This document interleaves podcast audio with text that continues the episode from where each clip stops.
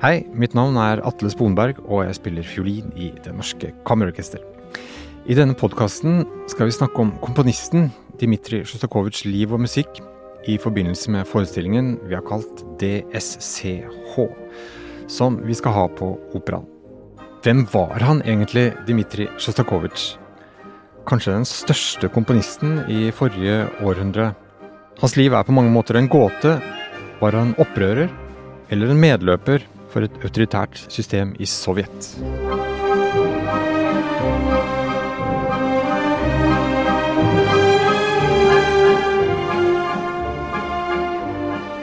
For å svare på disse spørsmålene rundt gåten Dmitrij Sjostakovitsj har jeg med meg journalist, forfatter og mangeårig utenrikskorrespondent i Russland, Morten Jentoft. Veldig hyggelig her. Jeg skal, kan ikke love at jeg kan svare på alle spørsmål, men jeg kan i hvert fall være med og diskutere dem. Men Morten, hvordan var situasjonen i Sovjetunionen de første årene i Sjostakovitsjs liv? Ja, Dmitrij Sjostakovitsj var jo født i 1906. Eh, eh, dramatiske tider eh, i St. Petersburg, som den gangen var hovedstaden i eh, Russland.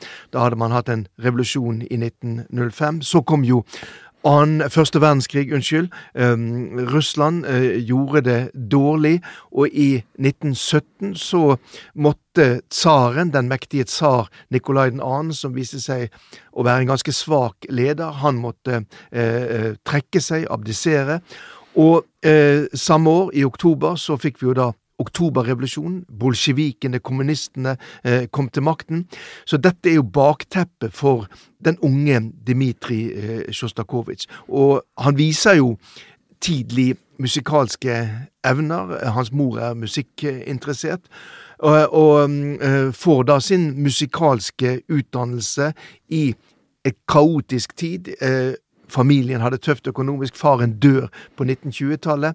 Men den begavede Sjostakovitsj, han blir oppdaget, og i 1925 komponerer han altså sin første symfoni. Men eh, hva spilte egentlig Sjostakovitsj? Han var jo pianist, og han var jo en uhyre begavet komponist også. Det, det pianist, unnskyld, også, ja. på et ganske tidlig tidspunkt. Sånn at han hadde jo en, en karriere Eh, parallelt med eh, å komponere som, eh, som, eh, som, pianist, og det skulle jo vise seg å være nyttig for ham i perioder. For det var jo en del perioder hvor han hadde lite penger, og han rett og slett måtte da spille piano til stumfilmer, som jo var det store den tiden. Dette var jo like før lydfilmen brøt gjennom for fullt. Ja, han må ha vært, vært en en eh, betydelig pianist. Han spilte jo konserter med sine egne eh, pianokonserter som han komponerte, og de er jo det er uh, vanskelig, vanskelige komposisjon. Ja, han deltok vel også i så vidt jeg vet, i pianokonkurranser altså ja, med ja. de store verkene. Sånn at uh, han, han, hadde nok øvd litt på piano også, ja. ja, ja. Men hvordan uh, Det jeg lurer på, hvordan ble den mottatt, den eh, første symfonien? Den ble jo uh, veldig godt mottatt, og ble jo raskt uh, kan du si, også et varemerke for, for Sjostakovitsj også uh, ut i verden. altså Han hadde da en parallell karriere i Russland, men også i utlandet ble denne symfonien oppdaget. Så også ute i verden så var man klar over at det var dukket opp et, et nytt stort talent da i, i, i Russland, i, i, tradisjonen da til uh, kjente komponister som jo hadde et verdensnavn sånn, uh, uh, som Tsjajkovskij ja. og Rimskij-Korsakov, som allerede var store navn den gangen. Så alt var liksom bare fryd og gammen da, for han den perioden, og videre, liksom? Ja, fryd og gammen, selvfølgelig. altså Han, han, han var et talent og fikk jo masse oppdrag i starten, men dette var jo tøffe tider. Eh, den nye sovjetstaten, dette ble jo eh, eh, Sovjet-Russland ble til Sovjetunionen, hadde jo store økonomiske problemer i starten, og det var sikkert ikke noe dans på roser heller for Dmitrij Sjostakovitsj, men når vi ser disse bildene av denne unge Sjostakovitsj sammen med andre som så muligheter i den nye, den nye, det nye Russland, der alle skulle ha like muligheter, uansett hva slags bakgrunn du hadde. Dette var jo en god tanke, og det var også rom for eksperimentering, både innenfor musikk, men også innenfor andre uttrykksformer, Ja. altså uh, litteraturen, arkitektur eksempel. Det var en veldig spennende, dynamisk uh, tid, dette her. Og filmen kom jo, uh, og lydfilmen begynte å dukke opp. Så her var det mye som skjedde, og Dmitrij Sjostakovitsj ser det jo ut som gikk inn i dette her med sitt enorme talent og med stor entusiasme. Så det var symfoni, men eh, holdt han også på med f.eks. Uh, opera? Ja da, eh, tidlig, eh, tidlig ute med å komponere musikk både til operaer. Eh, eh, hans første store verk er, er vel komponert til eh, Nikolai Gogol, denne ukrainsk-russiske eh, forfatteren. Eh, dette verket 'Nesen', som er en ironisk eh, eh, sak, som Gogol da komponerte musikken til. Og etter hvert så komponerte han jo også musikk til flere, flere balletter. Og det er jo noe av den musikken som også dere skal spille, da, altså, som er hentet ut ifra noen av, disse, disse ballettene. Men eh, vi vet jo det at eh, han eh, møtte jo eh, motgang eh, etter hvert. Og når skjedde det? På hvilket tidspunkt i livet? Og hvilke, hvilken komposisjon eh, dreier det seg om? Ja, dette skjer jo da parallelt med den innstrammingen som skjer under Josef Stalin i Sovjetunionen. Altså Ja. På begynnelsen av 1930-tallet så strammer kommunistene, bolsjevikene, grepet. De kollektiviserer eh, eh, landbruket. Det fører jo til den enorme sultkatastrofen, annet i det nåværende Ukraina, holodomor. Og parallelt med dette så skjer det jo også da en innstramming da i kulturlivet. Dmitrij Sjostakovitsj har komponert sin neste store opera, uh, Lady Macbeth fra Mitsensk. Eh, uh, et verk som får stor suksess. Det er et eh, verk eh, med et moderne uttrykk. I dag vil vi jo ikke kalle det spesielt, kan du si, eh, moderne. Det spilles jo på scener over hele Ja. verden, også på Den Norske Opera blant annet. da. Men relativt utfordrende i både det musikalske uttrykket, men også da eh, uttrykket på scenen. da. Men hvordan, eh, hvordan det- mottok liksom eh, publikum Ja, det ble godt mottatt av Ja, publikum, ja, men så kommer jo det da et spesielt publikum, og det er jo da selveste da den sovjetiske partisekretæren Josef Stalin, som også da dukker opp litt uanmeldt da på en forestilling i, i Moskva. Og etter det så får jo han da skrevet, eh, i, i alle fall sier ryktene, det, det er litt uklart rundt disse tingene her, men i alle fall så dukker det opp en artikkel 25. januar 1936 i um, partiorganet Pravda, eh, og der eh, det altså står um, at eh, dette her, her er ikke musikk, dette er virva istedenfor musikk. Sumburv miesta musiki, som det heter på russisk. Så i det politiske, kan du si, klima som var den gangen, så var jo da dette her gifta for Dmitrij Dmitri Sjostakovitsj. Artikkelen den var jo usignert, da. Ja. Og det betyr jo at da betød det at dette var partiets, og i siste hånd da Stalins, eh, Stalins eh, eh, vilje. Og dette førte jo da til at, eh, at denne, denne operaen ble trukket tilbake. Og eh, Dmitrij Sjostakovitsj, for ham må jo dette vært et, et, et sjokk. altså Han var den Ja. store, feirete komponisten. Han skulle eh, akkurat da på en turné. Og eh, det er klart at da spredde det seg med en gang da en stemning om at hans musikk, den var ikke gangbar. Og i denne perioden her, det er kanskje vanskelig for folk i dag å forstå det, så var sånne ting rett og slett kunne være livsfarlig. Altså, du Ja. kunne da bli betraktet da som en som motarbeidet regimet gjennom ditt kunstuttrykk. Ja. Og det var jo mange kunstnere, veldig mange bekjente av Dmitrij Sjostakovitsj, som ble arrestert og rett og slett drept eller Ja. forsvant da i denne perioden her. Så det, det var jo hans Det var jo et, må jo ha vært et stort sjokk. Han var jo bare 30 år den gangen. Ja. Dette er jo noe som dessverre vi ser igjen i, Ja. i dagens Russland. Ja, det er jo paralleller til i dag. Absolutt. Det er Eh. paralleller. Dessverre. Det er tragisk, men det er dessverre paralleller til i dag. Ja. ja, skulle vi kanskje hørt et lite utsnitt av Lady Macbeth, så vi får litt inntrykk av eh, hva vi snakker om her.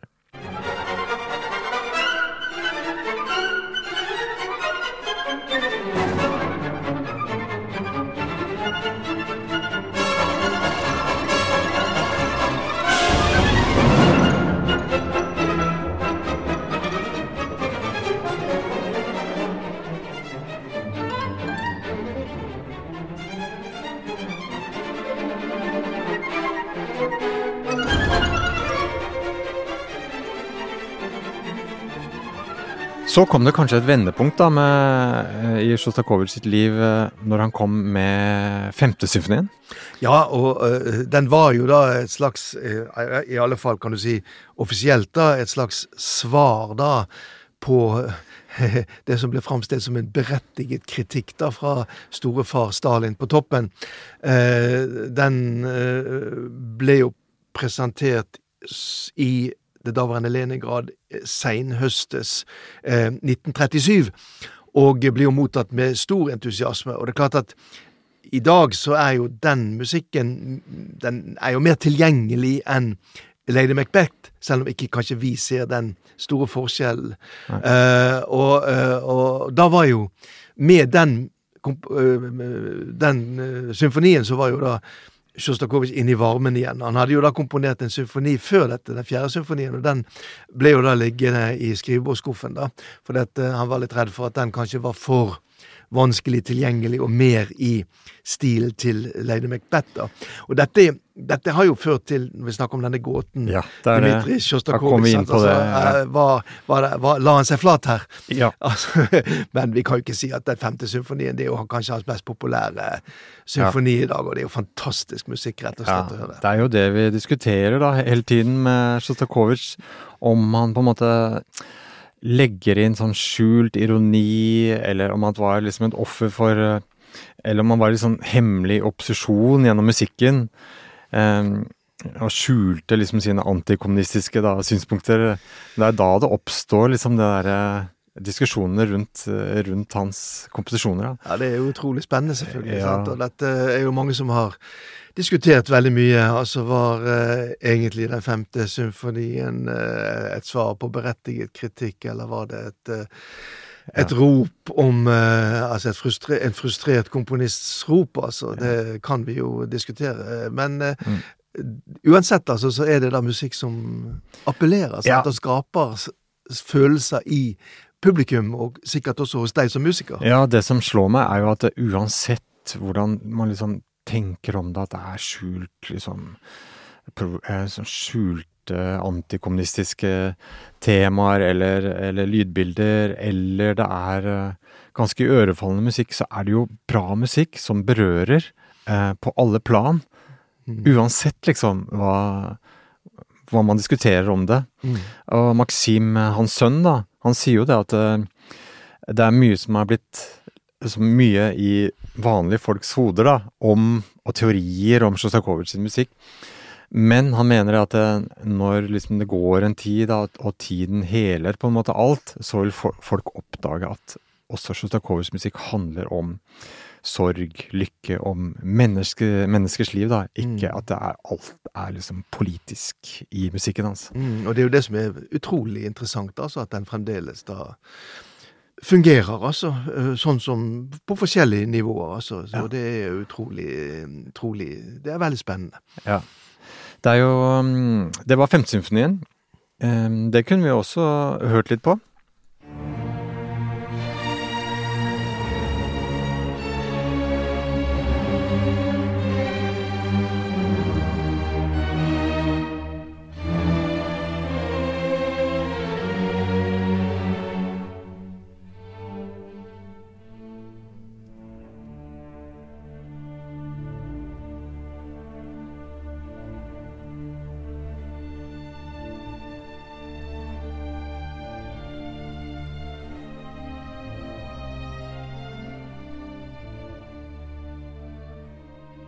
Men så kommer jo eh, kanskje noe som, som, snur enda litt mer eh, Et lite vendepunkt i Sjostakovitsjs liv igjen med sjuende symfonien. Da var det jo andre verdenskrig og enorme tap eh, i Russland med okkupasjon og, og, og, så videre. Ja, og mm, dette er jo det som mange husker også. Ja. Når det gjelder Dmitrij Sjostakovitsj, det er jo dette berømte bildet som var på forsiden jeg husker til Time, det amerikanske tidsskriftet, der Sjostakovitsj står der med sånn brannmannsuniform på toppen av konservatoriet. Det virker litt oppstilt, det gjør jo okay, det, men, ok. men ok, det er ikke så viktig i denne sammenhengen her.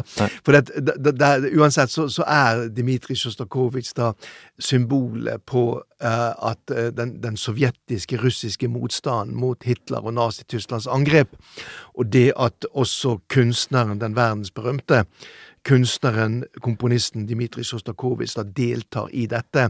Nå var vel ikke hans fremste innsats at han eh, slukket branner på, på toppen av konservatoriet. Hans største innsats var jo hans musikk. Ja. Og det fikk jo enorm betydning sant, med denne, denne symfonien, altså nummer syv, som han komponerer. Um, Ja. Delvis da i Leningrad så blir jo han evakuert. altså Sovjetmyndighetene skjønner at vi kan ikke risikere at han blir i en by som Hitler nesten holder på å Da fikk han hjelp av Stalin til det, eller? Ja da, han fikk jo, ja, da, Ja. han fikk jo hjelp av Ja. Dette, dette var jo selvfølgelig prioritert på toppnivå, at han skulle ut av byen.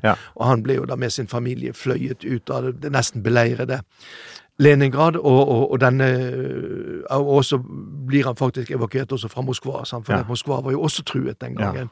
Ganske dramatisk. Og, og i eh, likhet med mange, i likhet med annet også den norske ambassaden, da, så eh, blir han evakuert til den byen som den gangen het Kuibusjev, som heter Samara i dag, som ligger ved Volgafloden. Det var en slags sånn hovedstad nummer to. Ja. Uh, og, og, og det er jo der da hans eh, hans symfoni nummer syv, som etter, i ettertiden er blitt kalt Leningrad-symfonien, ja. og som alle tenkte dette er eh, komponistens da eh, kan du si, eh, svar da på de framrykkende tyske troppene.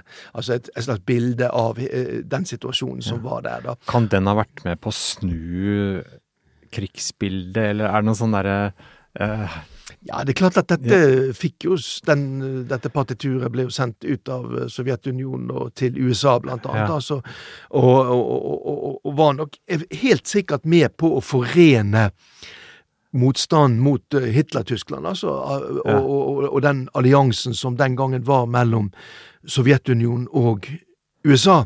Så her spilte utvilsomt Dmitrij Sjostakovitsjs eh, musikk en viktig rolle i de alliertes motstand. Og ja. når han kom da på førstesiden av Time i eh, det mektige, allerede den gangen verdens mektigste største økonomi USA, så har det hatt en betydning. Det er veldig interessant at du sier det. altså Ja. at det, det, den, den hadde absolutt en, en stor betydning her. Og så er det jo Ja. interessant å, å lese i ettertid at um, Sjostakovitsj selv han eh, prøvde å tone ned litt grann, eh, dette her, at dette var en slags programmusikk for motstanden. At det, det like mye handlet om, om hans motstand og hans eh, frustrasjon over det som hadde skjedd på 1930-tallet, da hans eget eh, land hadde drept millioner av sine egne innbyggere. Her kommer jo vi igjen inn på det med gåten Sjostakovitsj. Det er jo litt paralleller til kanskje Russland, Ukraina i dag. Vi hadde jo et ukrainsk ork orkester eh, som kom hit og spilte med Det Norske Kammerorkester, og der var jo De reiste jo på turné dagen før krigen brøt ut, og holdt seg da i, i eh, resten av Europa for å på en måte bi, bidra til støtte eh, til eh, krigen med å spille konserter, med å holde appeller. Eh, men det var jo flere av de eh, musikerne som på en måte søkte om å unngå å bli innkalt da, til å gå i fronten, ikke sant. Så musikere i gamle Sovjet og musikere i Ukraina, det er, det er jo paralleller til i dag. Veldig interessant. Jeg laget også selv en, en reportasje da med, med Svetslav Vakarchuk, da, som leder eh, Ukrainas mest kjente rockeband, Okean Elsi. Og, og de er jo også på turné nå. eh, i, Ja. uh, i, har vært på turné nå lenge i, i, i Vesten da, for å opprettholde, kan du si, interessen for Eller at folk ikke skal glemme det som skjer i Ukraina. Og det er jo en parallell selvfølgelig til til Sjostakovitsj, som også uh, Hans musikk da var jo absolutt med da på å symbolisere den enorme innsatsen som folkene i Sovjetunionen gjorde for å knekke Hitler-Tyskland. Altså, det som skjedde i store deler av resten av verden, var jo ingenting i forhold til det, de grusomhetene som skjedde eh, eh, gjennom det tyske angrepet på Sovjetunionen. Ikke minst i det nåværende eh, Ukraina. Så her er, det, her er det jo paralleller. Det betyr jo veldig mye, for det viser jo at livet går videre. Vi har ikke gitt opp. Nei. Og det sier jo Sjostakovitsj selv også. Livet må gå videre i en sånn radio, eh, radiotale eller radiointervju. At livet må gå videre. Vi må fortsette å spille, vi må fortsette å komponere. Så det er jo utrolig paralleller Mm. til det. Eh, Åttende symfonien er jo eh, også eh, blitt kanskje betraktet som et av hans flotteste verk, i hvert fall blant kjennere, da. Hvorfor har dere valgt å spille den på i denne, denne konserten? Ja, vi spiller innledningen til uh, førstesatsen på åttende, som er utrolig flott. Det har sånn skimmer av håp, da. Mm. Midt, den er jo komponert eller fremført i 1943. så- Ja, riktig. Ja, Da hadde jo krigslykken snudd, altså Ja. Stalingrad Ja. og alt dette. Ja. Mm. Hadde, men hadde Det jeg lurer på, er om Sjostakovitsj egentlig hadde noe valg i å komponere Kunne han komponere som han ville, eller hadde han noe valg i det hele tatt? Det er også veldig, veldig veldig interessant. altså Han, eh, eh, han, han, han fikk jo mer eller mindre beskjed om annet å komponere dette, dette verket i forbindelse med Ja. det som han trodde skulle være Sovjetunionens lette seier over Finland i 1939. Og like før eller omtrent samtidig som han komponerer da den åttende symfonien, så er, deltar han også i konkurransen om å komponere en ny sovjetisk nasjonalsang. Og han Ah, blir da da faktisk der en god nummer to. Og vi ser jo også flere ganger at han, han helt klart har fått oppdrag å komponere musikk til det. Nå er ikke det uvanlig, det skjer jo i, i alle land at man komponister er nødt til å ta oppdrag for å overleve. Så det er jo ikke noe sånn spesielt nytt da. Det man kan diskutere. Det er jo en del av det politiske som ligger i en del av disse bestillingsverkene. Så døde Stalin da 5. mars 1953. Jeg tror Og Da trekker nok Sjostakovitsj en, en, en pusten. ja. ja, han gjorde nok det, vil jeg Ja, Og da har han litt liggende i skrivebordsskuffen også, faktisk. altså Interessante ting. sier du det? Oh, det, det vet jeg ikke. Jo, blant jeg- annet eh, hadde han jo da allerede komponert sant? den fjerde symfonien. Han hadde komponert uh, sin fiolinkonsert nummer én, sånn at uh, han sto, uh, sto klar da, liksom med en del- en del godsaker. Ja, Felekonserten er jo helt fantastisk. Det, det må jeg si. Hvis du kanskje har hørt litt på den. eh, Det er litt annen Sjostakovitsj, men veldig inderlig vakker. Vi kan høre litt fra Passacagliaen.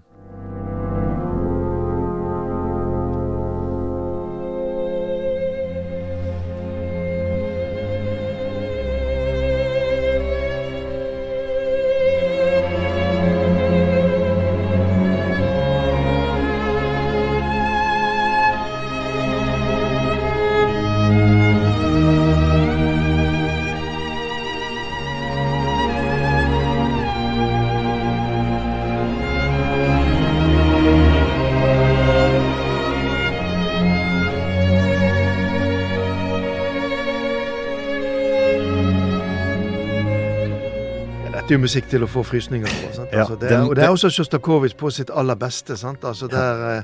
Han begynner et sted, og så plutselig så kommer det en sånn som går Altså sånne akkorder som går rett i hjertet. Altså. Så det her, er, Det det. det her er jo et uh, helt utrolig, utrolig verk, altså. Mm. Ja.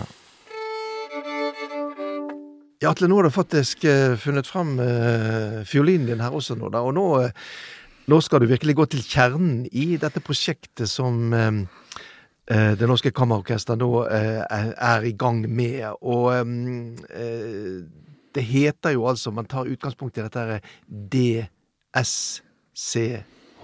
Som er Som er altså hans initialer i toner på tysk. riktig. Ja, Og og hva er dette for noe? Det er nemlig disse tonene.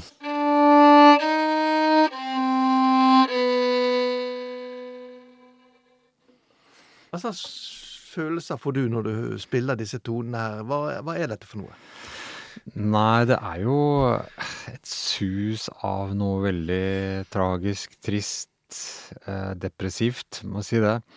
Eh, og så er det jo åpningstonene i Kammersymfonien, eh, som vi kan høre her.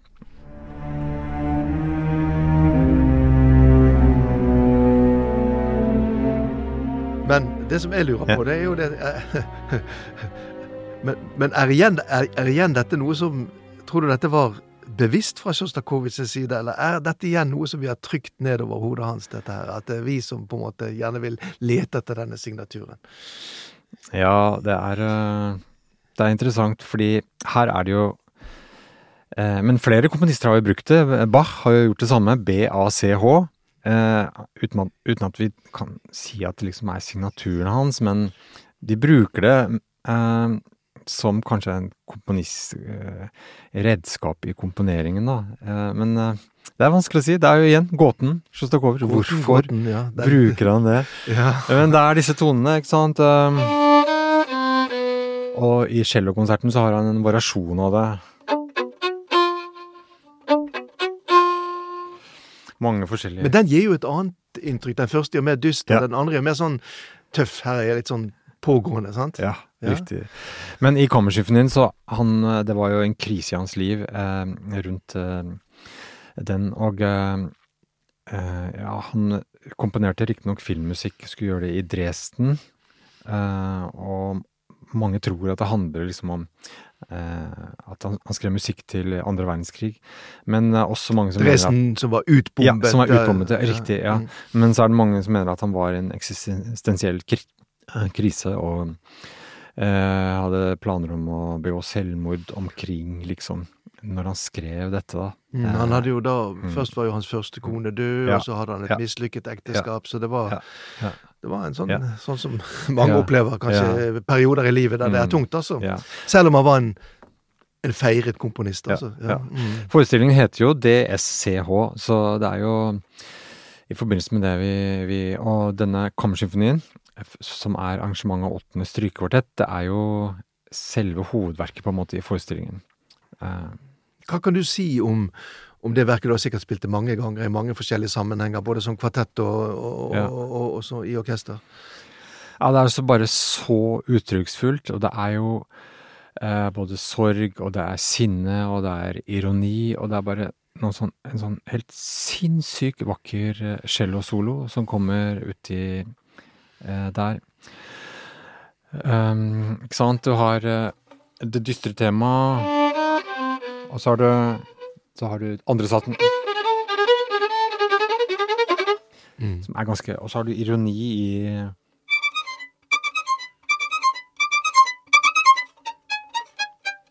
Mm. Som er litt sånn derre eh, touch ironi i temaet. Og så har du eh, Hvor alt det har blitt fortalt om at det er liksom eh, Gestapo som banker på, eller eh, eh, Og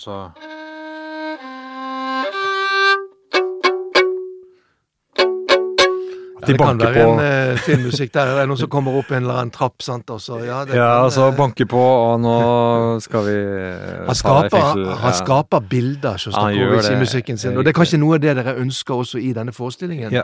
Mm. At dere skal skape gjennom musikken bilder folk skal reflektere, tenke. Mm. Og, mm, Mm, at du gjennom eh, bevegelse, gjennom utenatspilling, gjennom at vi tilfører musikken noe som kanskje kan berøre mennesker enda mer enn om vi bare hadde spilt på konsert. Det er jo det som er målet med, med det. Mm. Ja, vi håper du ble litt eh, bedre kjent med komponisten og mannen Dmitrij Sjostakovitsj i denne episoden. I neste episode skal vi få høre mer om denne forestillingen, og har med oss selveste direktøren i Det Norske Kammerorkester, Per Erik Kise Larsen. Takk for nå.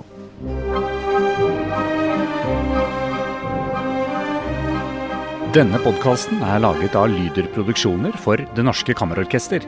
Regi og klipp ved Christian Norum. Produsent fra Kammerorkesteret er Yushin Kim.